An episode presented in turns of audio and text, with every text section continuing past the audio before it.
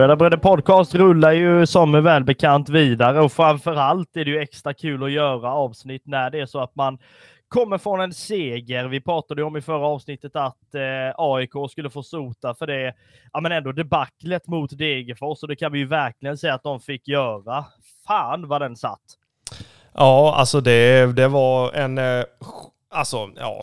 Alltså jag ska inte ta några poäng här överhuvudtaget, men jag var ju inne på det lite i förra avsnittet att eh, efter lite mindre bra insatser så brukar Kalmar FF studsa tillbaka eh, och det är ganska omgående så att ja, alltså jag var inte förvånad över matchbild eller någonting. Eh, jag visste att det skulle bli en, en bra prestation utan att mm, credda mig själv allt för mycket.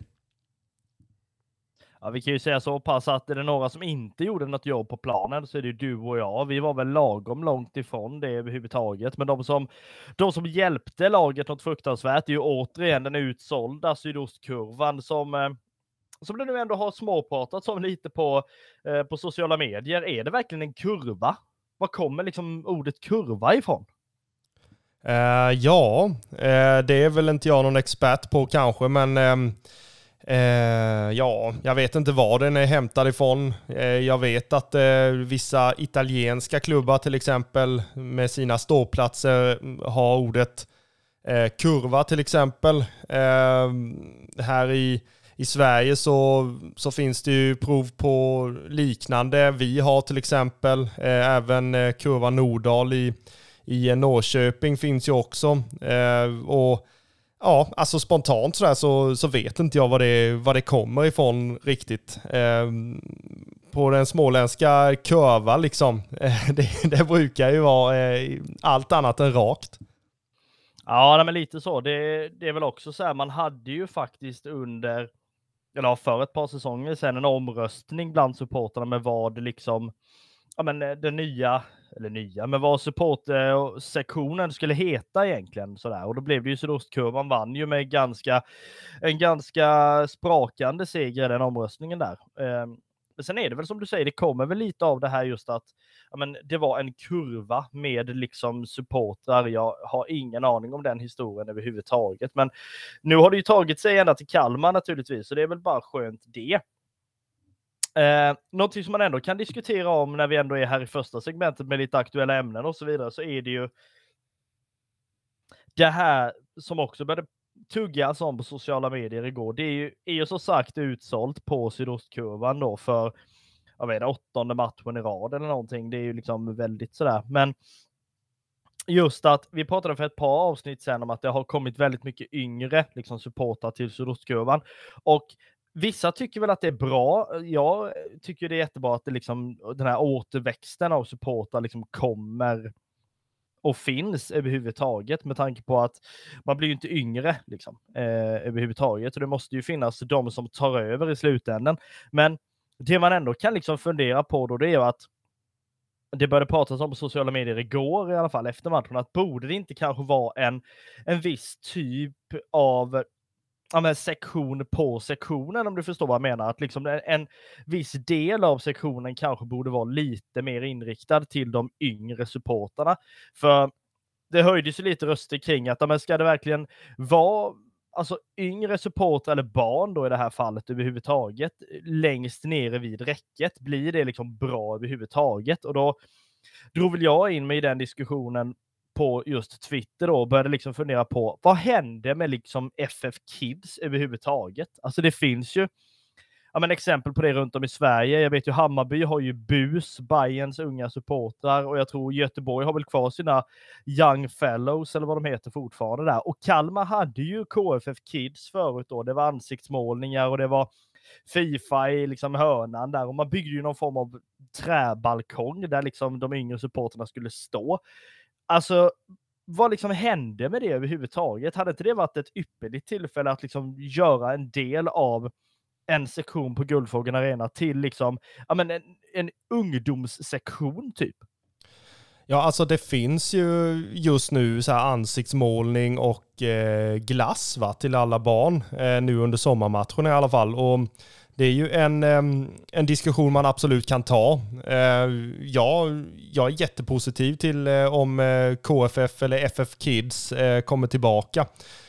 Jag tror det är viktigt för, för återväxten, precis som du säger. Samtidigt så, så blir det liksom ett form av evenemang i evenemanget på något vis. Alltså man, man som yngre supporter, alltså kanske ja, yngre barn som går dit med sina föräldrar, kan liksom ta sig till FF Kids-hörnan eh, direkt när man kommer till arenan.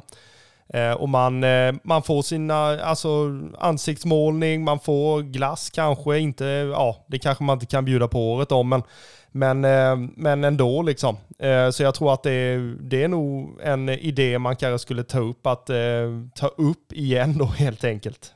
Ja, men det man kan prata lite om är ju det här att det blir ju extremt eller alltså så här, det, det, är ju bra med en återväxt på sydostkurvan med yngre supportrar, men det blir ju nästan lite plus minus noll när man delar ut liksom glass två minuter innan avspark och de ska stå där med liksom en, ja vad fan vet jag, nogger i ena handen och försöka klappa samtidigt. Liksom. Det går inte superbra. Men liksom, vi är ju överens om att återväxten är ju jätteviktig, men att det hade ju inte gjort någonting överhuvudtaget att kanske liksom en dela upp den här sektionen nu då. Ska man ta bort stolar på sydostkurvan, vilket man nu då ska, så liksom en dela upp det då att här i mitten står de mest hängivna, det är flaggor här, ni som inte vill ha det ställer vid sidan om liksom.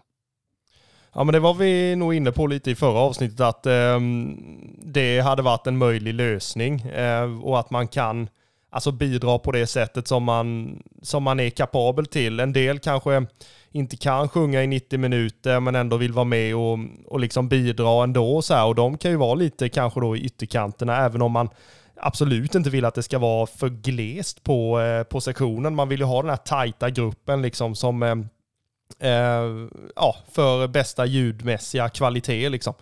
Eh, men alltså jag vad ska man säga?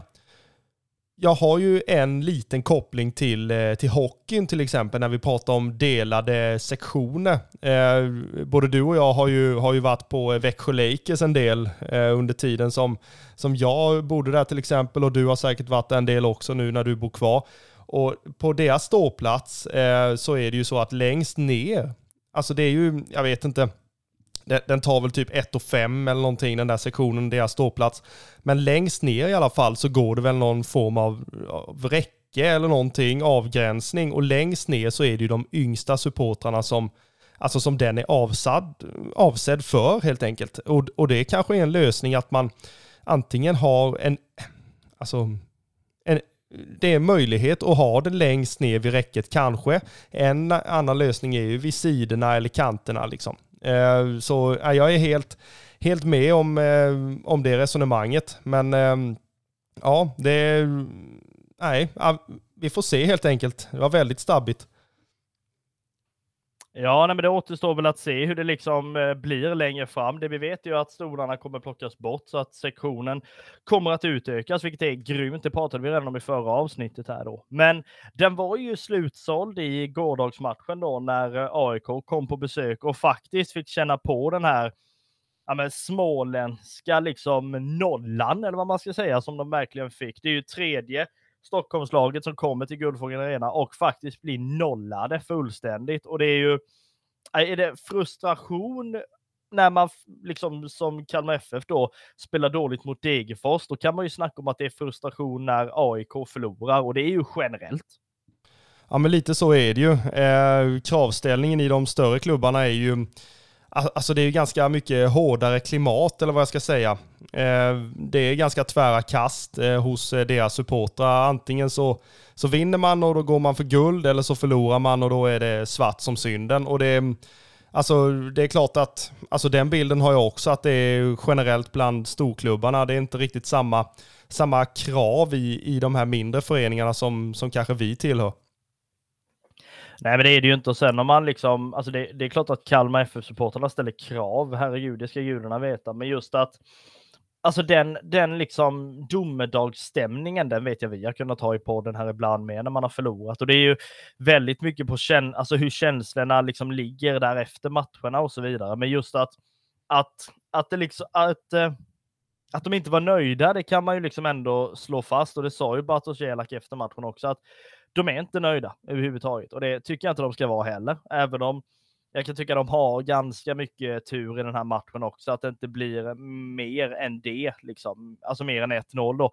Och vi lär ju komma in på det nu under tiden här också som vi faktiskt eh, ska prata ner den här matchen då ordentligt. Eh, mellan då Kalmar FF och eh, AIK som då blev det som sagt det tredje Stockholmslaget att eh, på riktigt eh, åka på pumpen på Guldfågeln.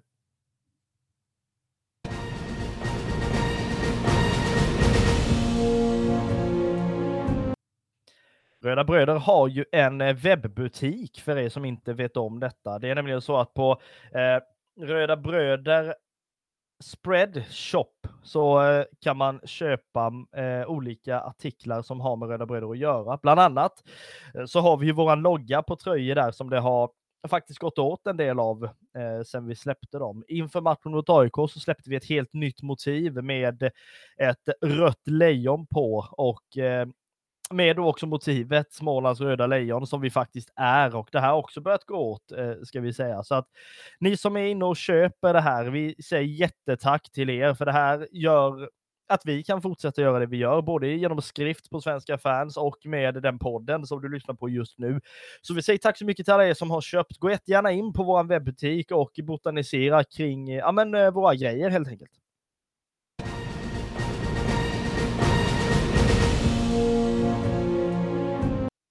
Någonting man ändå kan inleda med när vi liksom ska prata ner den här matchen är ju att dels var det ju ex, ja, extremt mycket folk i, i faktiskt i, i Kalmarögon sett måste man ju ändå säga. Men det jag ändå blir förvånad över som liksom är första punkten jag verkligen har skrivit ner. Hur, alltså med stora bokstäver, HUR kan det inte blir rött på Sebastian Larsson. Hur många gånger ska han ha tur i sådana här situationer? Att kasta sig in rätt in med dobbarna före och Sulan före och sen klippa Romario. Hade det blivit ett rött där, jag hade ju inte sagt någonting överhuvudtaget, men att han ens, alltså på riktigt kan reagera som att han inte tror att det är sant att han får en varning för den. Alltså nog för att han har spelat i England, men herregud. Ja, i England så då hade det nog knappt varit frispark om man jämför. Men, men eh, i alla fall i de eh, lägre divisionerna där, det har man ju sett eh, prov på många gånger. Men det var inte det vi skulle prata om nu. Sebastian Larsson är ju, alltså på planen och under matcherna, under 90 minuter så är man ju Alltså man är ju inte, man är inte bästa kompis med, med den killen överhuvudtaget. Eh, alltså jag såg ju matchen hemma i tv-soffan på grund av lite virus och annat. Så att eh, jag ställde mig upp i, i ren eh, frustration och bara, alltså hur är det möjligt att han är kvar på planen efter en sån eh, sträckt, eh, ett sträckt ben med dobbarna före mot eh, eh, våran magiska Romario som bara blir bättre och bättre med åren. Alltså det, det var helt ofattbart. Helt ofattbart att man, att man kan gå in så och sen, och, och sen vara förvånad liksom. Men det är ju Alltså det var väl det vi pratade om inför matchen också, att eh, den mentaliteten som, som eh, storklubbarna har, det är ju liksom att man är Ja, man är störst, bäst och vackrast på något vis, men eh, det får ju finnas någon typ av gräns. Eh, och han är säkert jättetrevlig utanför, men i den situationen så då var han ju inte min bästa kompis. Nej, men det man kan bli förvånad över också då, eh, överhuvudtaget i den här matchen kan jag ju säga, det är ju att det här med marginaler hit och dit. Ja, det kanske var en marginal, en pytteliten sådan, att det inte blev rött kort på Sebastian Larsson i den, i den situationen. Men de har ju däremot extrema marginaler med sig en stund innan där, när liksom bollen på något konstigt sätt går fram till Papadio, för man tror att han har smält in sin första kasse sedan återkomsten.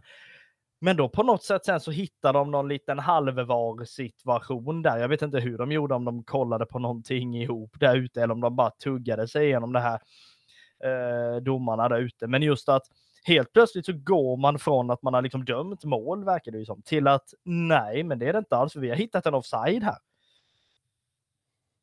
Ja, alltså jättemärklig situation även det. Eh, alltså spontant så, så tänkte jag väl att eh, ja, men det är väl för att Eh, alltså Romario rör bollen innan den går fram till Papa Diouf eh, och, och då ska det vara offside. Eh, sen så kommer det bilder då på, eh, på Twitter att eh, nej, men den, den tar nog på en AIK-fot liksom. Och då tänker man så här, ja men då är den väl inte Eh, då kan det inte vara offside, men sen så kommer det ytterligare någon grej att eh, ja, om, även om den tar på en försvarande på vägen, eh, sådär bla bla bla, eh, och eh, Papadiouf står offside så är det offside. Men sen kommer det ytterligare liksom, eh, synpunkter på detta att eh, Papadiouf står inte offside när passningen slås. Vilket innebär att då ska det inte vara offside. Så att, eh, nej det, är det var ju ytterligare en gång som man, eh, som han reste sig upp och, och var eh, skapligt förbaskad. Med tanke på att ehm, Alltså man har ju hoppats att eh, Papadioufs eh, återkomst ska eh, bringa in en del mål också och inte bara hårt jobb. Och man blir ju jätteglad i, i, i någon halv, ja 20 sekunder eller någonting innan de väljer att, att döma bort det. Så nej, alltså snacka om att, att ha marginaler med sig. Men det är ju sånt här vi har pratat om innan i avsnittet, att är det så att det blir VAR i allsvenskan så är det ju sånt här som kommer bli vardagsmat om man nu ska vara sån att ja, men man jublar och är skitglad där första 20 sekunderna till att då sen ja, men få en vissla om att det är offside eller hands eller frispark eller vad det nu blir. Det, är ju, det här är ju någonting man i så fall kommer få leva med och det vill man ju helst inte. Absolut inte. Eh, jag är ganska klar på den, ehm, den ståndpunkten att eh, jag vill inte ha, ha VAR i allsvenskan. Jag vill inte jubla två gånger utan jag vill gärna jubla en gång eller bli arg en gång. Jag vill inte bli, bli det dubbla gånger eh, under tiden någon ska kolla någonting i någon, någon minut och sen så ska man ja, bli glad återigen att man har gjort mål eller bli arg återigen för att man har ehm, fått domslutet emot sig. Så att nej den diskussionen är ju, en, eh, det är ju ett helt annat avsnitt liksom, men ehm, det är, spontant så, så är det ju fortfarande ett eh, stort nej till VAR i alla fall från mig. Ja, nej, men det är vi väl överens om i den här podden att VAR eh, vill vi ju inte ha oavsett liksom. Men oavsett det så får man ju till slut ett mål och det är väl också en marginal då kan man ju också säga. Det här är ju verkligen marginalernas match eh, överhuvudtaget sådär. Där i den andra halvleken då, det blir ju ett inkast sen. Bollen hamnar ju hos eh, Oliver Berg som på något sätt chippar över, om det nu är Otieno va? Som eh, ja, men då inte tyckte att det räckte med att ha en tröja på sig utan ta tag i Oliver Bergs tröja. Och det är klart att Oliver Berg ramlar då, så är det ju straff. Det är ju inte mycket lustigare än så. Och visst, eh, folk pratar om soft penalties, men är det några som fan i mig ska ha någon soft penalty med sig i, under den här säsongen efter allt vi har haft emot oss så är det ju ändå Kalmar FF. Det är ju inte så att det brukar liksom hagla sådana straffar till Kalmar FF, utan man brukar ofta få se att storlagen får med sig sånt istället. Ja, men Rydström har väl varit inne på det i någon, eh, någon annan podd, att eh, det är väl åtta straffar eller någonting vi är uppe i som vi inte har fått. Eh, och nu då den nionde så, så får vi den. Eh, och det är väl, alltså alla tränare egentligen har man ju hört den här gamla visan att eh, ja, men det jämnar ut sig i längden och efter åtta, nio, eller ja, efter nio försök då så, eh, så jämnade det ut sig med, med, med en pinne i alla fall. Eh, så mm, ja, vi får väl vara glada för det lilla och glada för att Oliver Berg fortsätter göra mål och för att han eh, verkligen smäller upp den. Alltså den sitter ju bergsäkert, pappaskämt. Ja, men det var ju roligt. Jag, tyckte, jag så, såg en annan grej liksom så här dag eller samma kväll faktiskt att det blev en, det var ju en straff i, ja, vilken match det nu var, jag tror det var i Superettan, när det är någon som försöker sig på en sån här härlig liten eh, Fifa-chip då som går rätt i famnen på målvakten och det blir man ju vansinnig över. Så jag menar hellre att man verkligen dunkar på den och liksom hellre då att den går ribba ut fullständigt än att liksom fjösa teat bara. Så att, nej, man blir, man blir ju lycklig när man liksom när man ändå får, får se Oliver Berg göra mål och framförallt då på en straff som inte är några konstigheter alls. Den sitter ju där den ska verkligen kan man ju säga. Ja, alltså det är ett klassavslut. Alltså den, den sitter bombsäkert. Om jag nu använder ännu fler uttryck här, men det, den sitter, alltså sitter den kvar i nätet fortfarande? För den var verkligen stenhård. Förmodligen inte eftersom att de fortsatte spela efter, kan man, kan man ju ändå tycka. Ja, nu skulle var... han vara rolig. Va? Ja, nu skulle du vara lite rolig där ja. Ja, men det tyckte jag att jag var ändå faktiskt lite. Men det, det roligaste är att man kan ju ändå vara positiv till att han, fort, att han fortsätter göra mål nu, men att han liksom på något sätt nu ska komma i målform igen. Det är ju inte bra för framtiden om du förstår vad jag menar när vi pratar transferfönster och så vidare. Folk börjar ju rycka i den här spelaren igen då ju, så att han kan ju göra två mål. Sen kan han ju vara så här iskall i tio omgångar och sen kan han göra två mål till. Ja, alltså så länge vi vinner matcherna, eh, då, eh, då får gärna någon annan göra mål. Eh, alltså på det viset förstår jag dig, men jag förstår absolut inte varför han skulle vara liksom iskall nu resten av, av matcherna och sen, ehm, ja, alltså han är vår bästa målgörare så att han får ju, han måste ju ösa på här nu. Ja, jo, men förvisso är det så, men oavsett det så var det ju att han eh, fick ju vara målskytt igen eh, då på straff denna gången. Någon annan spelare som faktiskt utmärkte sig något eh, men, ofantligt igen måste vi ändå säga är ju Sebastian Nanasi. Är det någon spelare som verkligen har kommit in och tagit en plats liksom redan från första, ja, men första duell egentligen eh, i, i matchen mot Elfsborg så är det ju Eh, Sebastian Anasi, han har ju verkligen liksom, alltså, inte vuxit in i det ska jag inte säga, men när man väl får höra hans uttalande sen om att ja, men, Malmös förra tränare då inte hade honom särskilt önskvärd i Malmö överhuvudtaget. Alltså då blir man ju bara, vad är det för fel på den tränaren? Ja, alltså i de här eh, tre matcherna han har spelat för oss så, så ser man ju att han har alltså kvaliteter. Eh, han är ju en, eh, en riktigt bra allsvensk spelare och redan nu i denna åldern. Eh, klart att han är utvecklingsbar precis som alla andra, men, men hittills så, så har han ju stått för väldigt fina prestationer hos oss och alltså AIK-matchen eh, toppar ju verkligen det. Eh, och alltså på kort tid så har han ju blivit en, en liten supporterfavorit eh, efter bara tre matcher och det det symboliserar ju vilken, vilken spelare det är på planen men också mot eh, supportrarna. Så att eh, han har ju vunnit eh, många hjärtan bara på tre matcher.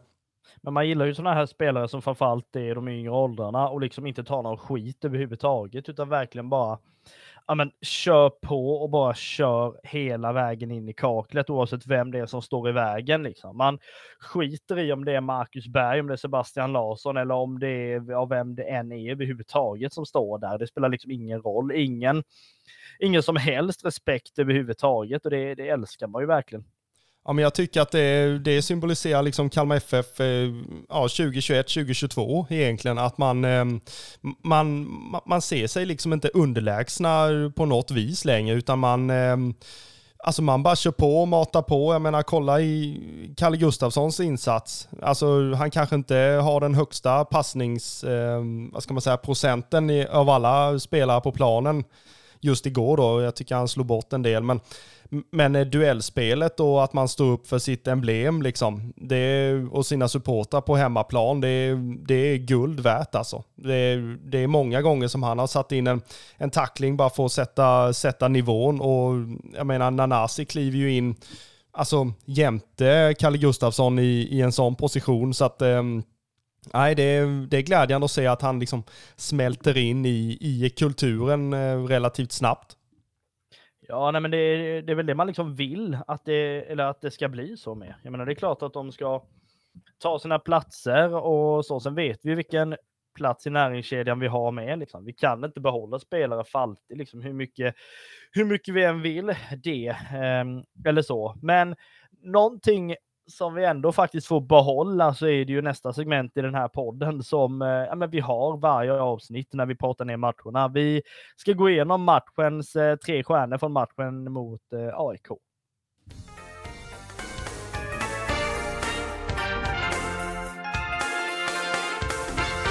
Matchens tre stjärnor. Eh, den som får eh, en stjärna i den här matchen sätter vi lagkapten eh, Oliver Berg. Dels för att han, det är liksom ingen sprakande insats denna matchen, men det är liksom inte heller så att han inte på något sätt är en bidragande orsak till att man ja, men, vinner matchen. Dels han eh, får med sig straffen, han sätter straffen och det liksom räcker egentligen där för att han ska kunna göra det jobbet som han eh, ja, men egentligen är satt för att göra. Så att liksom en stjärna till eh, Oliver Berg. Den som vi sätter två stjärnor till är ju han som eh, har hållit nollan för 150 matchen i rad på Guldfågeln Arena mer eller mindre. Ricardo Friedrich Ja men det är alltså, jag tror vi ska ha han skriven bland de här eh, tre stjärnorna resten av säsongen för jag tror inte han kommer gå ner sig speciellt mycket. Eh, utan eh, Ricardo Friedrich han, ja, vi kan nästan bestämma här och nu att han kommer finnas med på listan eh, för resten av säsongen. För det, alltså han betyder så, så oerhört mycket. Ehm, både i, i det defensiva spelet såklart, med tanke på att han ehm, räddar var, alltså varenda boll i stort sett. Eh, samtidigt som han, han har de här ledaregenskaperna, han leder sitt, eh, sin backlinje, han, han står också för väldigt många alltså snabba snabba bollar. Eh, offensivt också med tanke på att eh, han vill gärna sätta igång spelet väldigt snabbt och inte tillåter AIK i, i denna matchen då till exempel att eh, vila allt för länge utan eh, vill gärna sätta igång, sätta igång spelet och, och fortsätta och, och mala. Ja, men det är ju verkligen så. Eh, sätter vi sen då de eh, tre stjärnorna som går i denna matchen så är det faktiskt så att Sebastian Anasi får de tre. Dels så är det ju så här att han står för en jättebra insats. Vi var redan inne på det förut med. Han visar ingen pardon överhuvudtaget och tredje matchen i rad egentligen. Han gör det väldigt, väldigt bra och han är ju ganska konstant i de prestationerna han har stått för nu under de här tre matcherna. Så att eh, tre stjärnor till Sebastian Nanasi.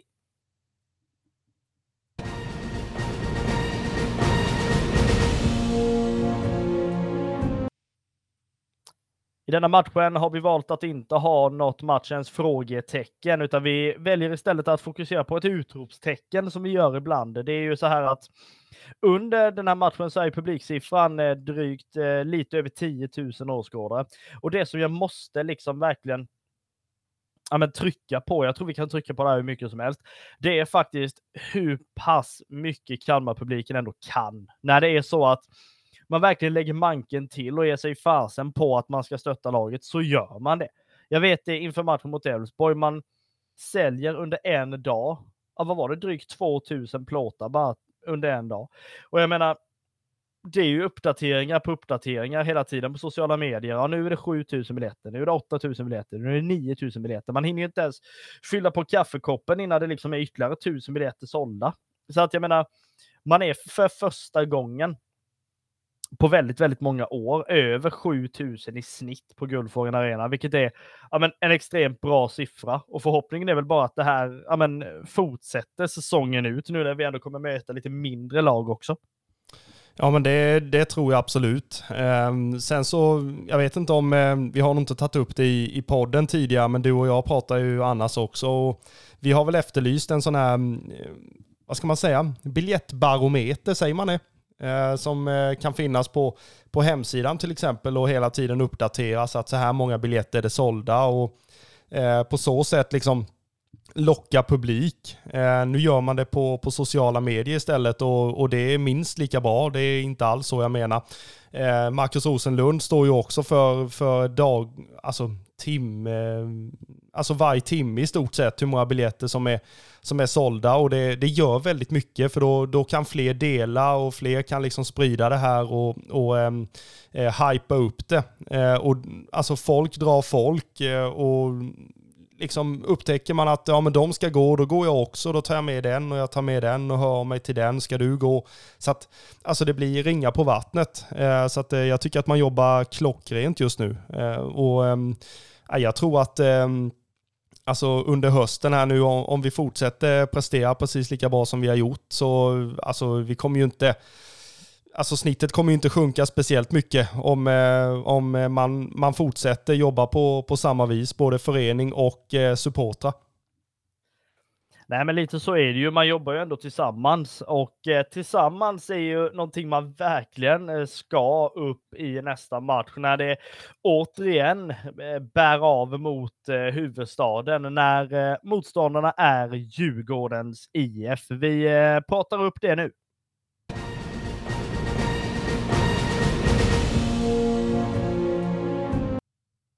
Röda Bröder har ett betalt samarbete med Local Legends. Går ni in på Local Legends hemsida så kommer ni hitta t-shirts som bland annat har att göra med Kalmar FF-profiler. Är det så att ni köper en tröja från Local Legends så stöttar ni inte bara dem, utan ni stöttar även oss i Röda Bröder så att vi kan fortsätta med det vi gör i både text och poddform. Så vi säger tack så jättemycket till Local Legends för eh, vårt samarbete helt enkelt.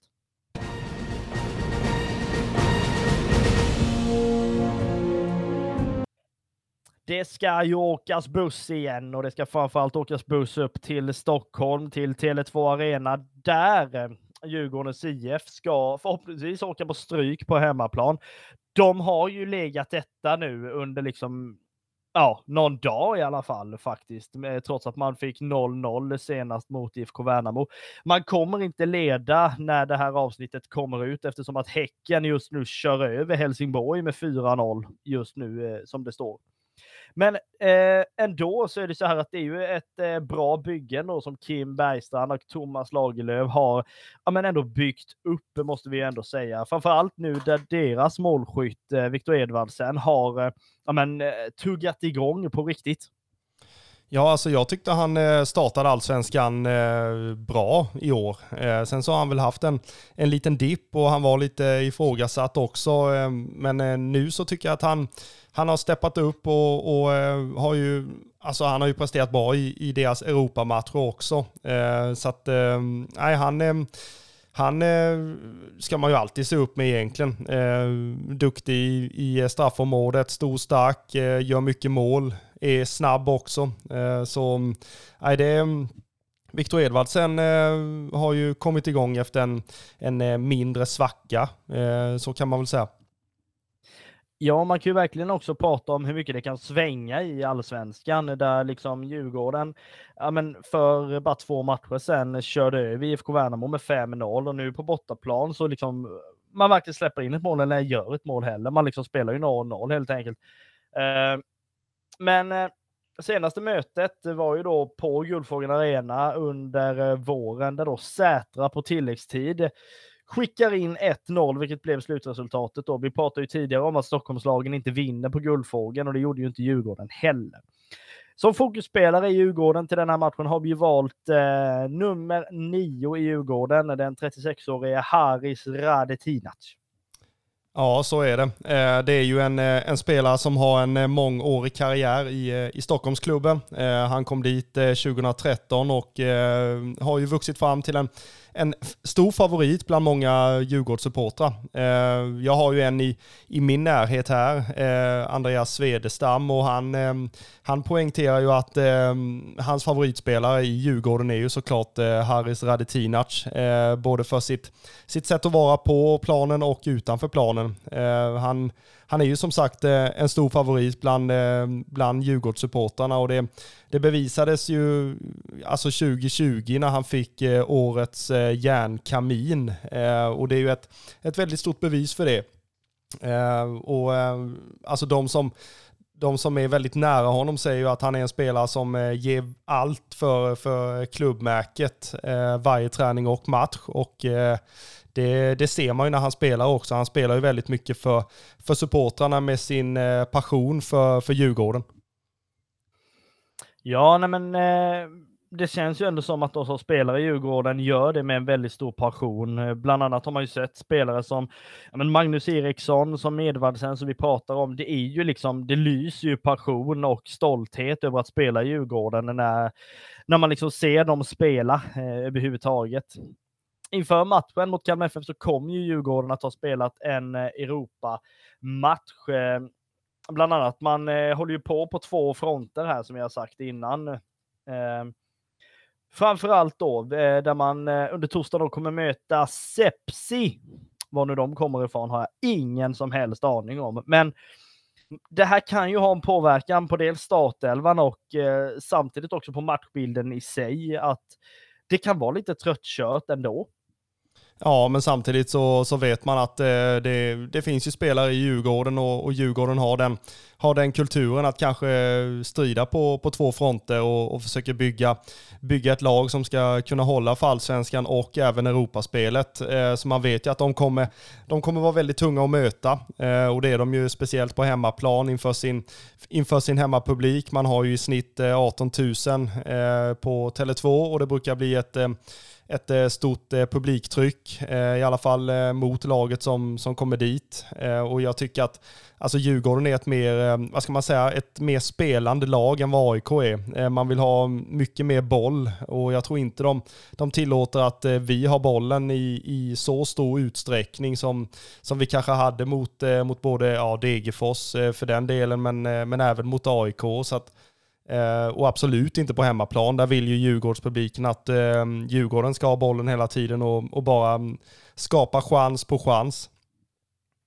Ja, men lite så är det ju. Eh, samtidigt är det väl också så här just att alltså, man kan inte prata om Djurgården egentligen utan att prata om Edvardsen som vi har sagt, men också Magnus Eriksson, den här spelaren som står för väldigt mycket i liksom det offensiva spelet. Eh, han driver på, han liksom står för assist, han när han väljer mål så är ju det också någonting som han liksom verkligen ja, men står för i Djurgården. Det här är ju en, en eh, ikonspelare eh, överhuvudtaget så här och det kommer ju bli intressant. Framförallt har vi ju sett hur Kalmar kan ha svårt på bortaplan hos Stockholmslagen och då kommer det ju bli ännu mer intressant nu under helgen eh, för att se om det fortsätter så eller om man då kan eh, kanske få bort den trenden att det går lite sämre på bortaplan. Oavsett det så kommer det ju bli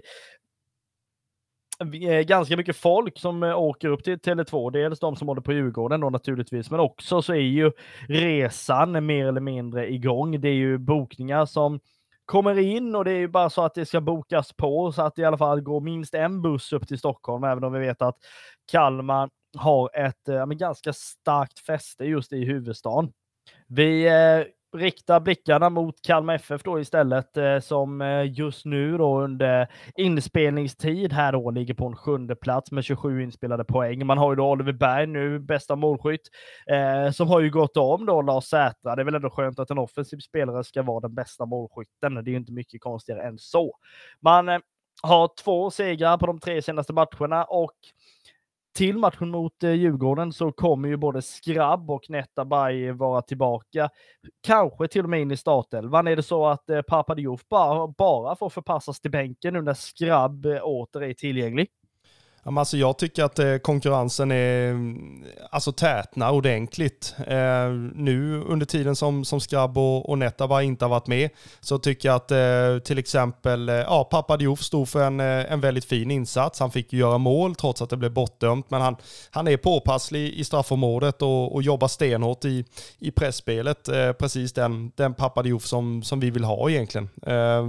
sen är, alltså det är klart att eh, Skrabb eh, är en startspelare. Det är väl inget, inget snack om det, även om han kanske inte har kommit in i, in i, alltså i sin toppform hittills. Eh, och, eh, men man vet ju att det, att det finns kvalitet där som kommer att eh, blixtra till rätt vad det är. Eh, men alltså, mm, hjärtat säger ju att eh, Papadio får, eh, får fortsatt förtroende och likaså eh, både Nanasi och, eh, och Shamoun. Eh, Netabay är ju en, alltså han är också en, en eh, favoritspelare och en eh, publikfavorit. Eh, så att han är ju ganska svår att hålla utanför startelvan också. Men, men de spelarna som lirade nu mot AIK, mm, ja, jag tycker inte man ska ändra allt för mycket i det laget utan ehm, ja, kanske ge samtliga i den elvan nytt förtroende. Ja, ni hade ju inte haft några problem att se Papadiouf fortsätta spela, även om då Simon Skrabb naturligtvis är en väldigt bra spelare. Men det behöver ju inte betyda att man går in och flyttar på folk hej, hej vilt, eller vad man nu säger. Eh, så jag kan ju hålla med dig om det där att det borde liksom kanske vara så att man behåller den här startelvan. Sen vet ju både vad Simon Skrabb och eh, Netabay faktiskt eh, står för överhuvudtaget och det kan ju också behövas i den här matchen. Så vi får väl se vad liksom eh, startelvan eh, slutar i, eller vad man får säga. Eh, är det så att vi eh, eh, tänk oss matchen i allmänhet. Det kommer ju bli en bra inramning som du säger. Samtidigt så är det väl ändå så att matchen i matchen är väl just Romario mot Magnus Eriksson. Borde det inte vara så? Jo, eh, inför AIK-matchen så, så såg jag ju fram emot att få se eh, alltså Kalle Gustafsson mot, eh, mot Sebastian Larsson. Det blev väl inte sådär jättemånga dueller dem emellan, men eh, då var det lite mer eh, Sebastian Larsson mot eh, Romario. Den, den matchen vet ju alla vem, vem som vann. Eh, I denna matchen nu då mot eh, Djurgården så är det ju ja, Romario återigen som är i, i fokus och jag tycker att han blir jätteviktig i matchen mot Djurgården med tanke på att han är en spelare som kan, som kan utmana sin gubbe. Han kan dribbla av en två, tre stycken och slå en smörpass samtidigt som han, som han eh, bara också kan spela enkelt. Eh, det duger ju också. Eh, men Alltså han är, han är otroligt viktig och jag tror att det blir en kamp på mittfältet. Dels om, om bollinnehavet som, som båda lagen vill ha. Man vill ju anfalla med, med kontroll samtidigt som det andra laget vill, vill pressa och stressa motståndarna till bolltapp högt upp i planen. så jag tror att eh, Romario blir, eh, blir jätteviktig. Eh, så han får visa lite, lite magi på, på Tele2.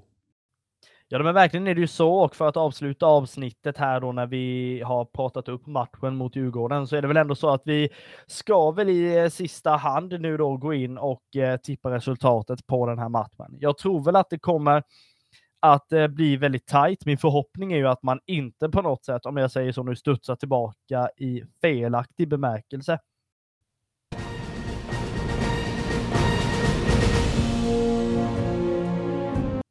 Vi går väl in i sista segmentet eh, under detta avsnittet när det är så att vi ska tippa resultatet i kommande match när då Eh, Kalmar FF ska möta Djurgården på bortaplan. Jag tror väl att det kommer att bli en ganska tajt match och förhoppningen är väl att man inte kommer studsa tillbaka i fel bemärkelse, om man nu säger så. Det vill säga att det kommer att bli eh, någon form av lex AIK borta prestation i den här matchen. Men förhoppningen är väl i alla fall så att man kommer kunna göra mål på Tele2 Arena och förhoppningsvis inte släppa in särskilt mycket. Men ska man liksom tippa med hjärtat så är det väl liksom 0-1. Men är det så att man ska tippa med hjärnan så får det väl ändå bli kanske 1-1 tror jag. Ja, ehm, jag är också inne på att eh, vi kanske kan åka på ett eh, baklängesmål även om man alltså alltid hoppas att vi ska hålla nollan och Ricardo står för, för fina insatser. Ehm, samtidigt så, så tror jag att ehm, eh, det kommer ramla in, en, in en boll i vår kasse samtidigt som, som vi gör två och vinner med, med 1-2. Och varför inte Romario målskytt och Ja, eh, spelar Pappa Diouf från start så, så tror jag att han nätar. Eh, annars så, så tror jag väl att ja, det får bli eh, Oliver Berg annars ju. Ja, men det behöver inte vara mycket svårare än så. Förhoppningen är väl också att det blir bra uppslutning av bortasupportrar på Tele2 Arena. Så ni som inte har bokat in er till bussarna, gå genast in på kffsu.se och gör detta. Eller håll utkik på de sociala medierna hur ni kan anmäla er till den här bortaresan. För Kalmar är ju on tour varje gång det är bortamatch. Och det är ju så att man har ju ett ganska bra bortafölje nu för att eh, ja, men, vara av Kalmar FFs storlek måste vi ändå säga. Eh, så att vi hoppas ju att det blir bra uppslutning på den matchen också naturligtvis. I slutändan eh, av det här avsnittet så vill vi ja, men naturligtvis tacka er som lyssnar eh, på våra avsnitt. Det är ju faktiskt ett antal hundra som lyssnar på de här avsnitten, vilket gläder oss något oerhört naturligtvis. Och eh, Samtidigt som det är så att vi ja, men, dels gör den här podden så får ni inte glömma att gå in på Svenska fans och eh, Kalmar FF sida där. Där vi också lägger ut eh, texter, framförallt inför matcherna men också med jämna mellanrum efter matcherna. Vi som har gjort det här avsnittet, Max och Kristoffer, vill tacka dig som har lyssnat och vi hörs ju vidare efter förhoppningsvis en bra prestation mot Djurgården. Det här är Röda Bröder Podcast, en supporterpodd om Smålands stolthet.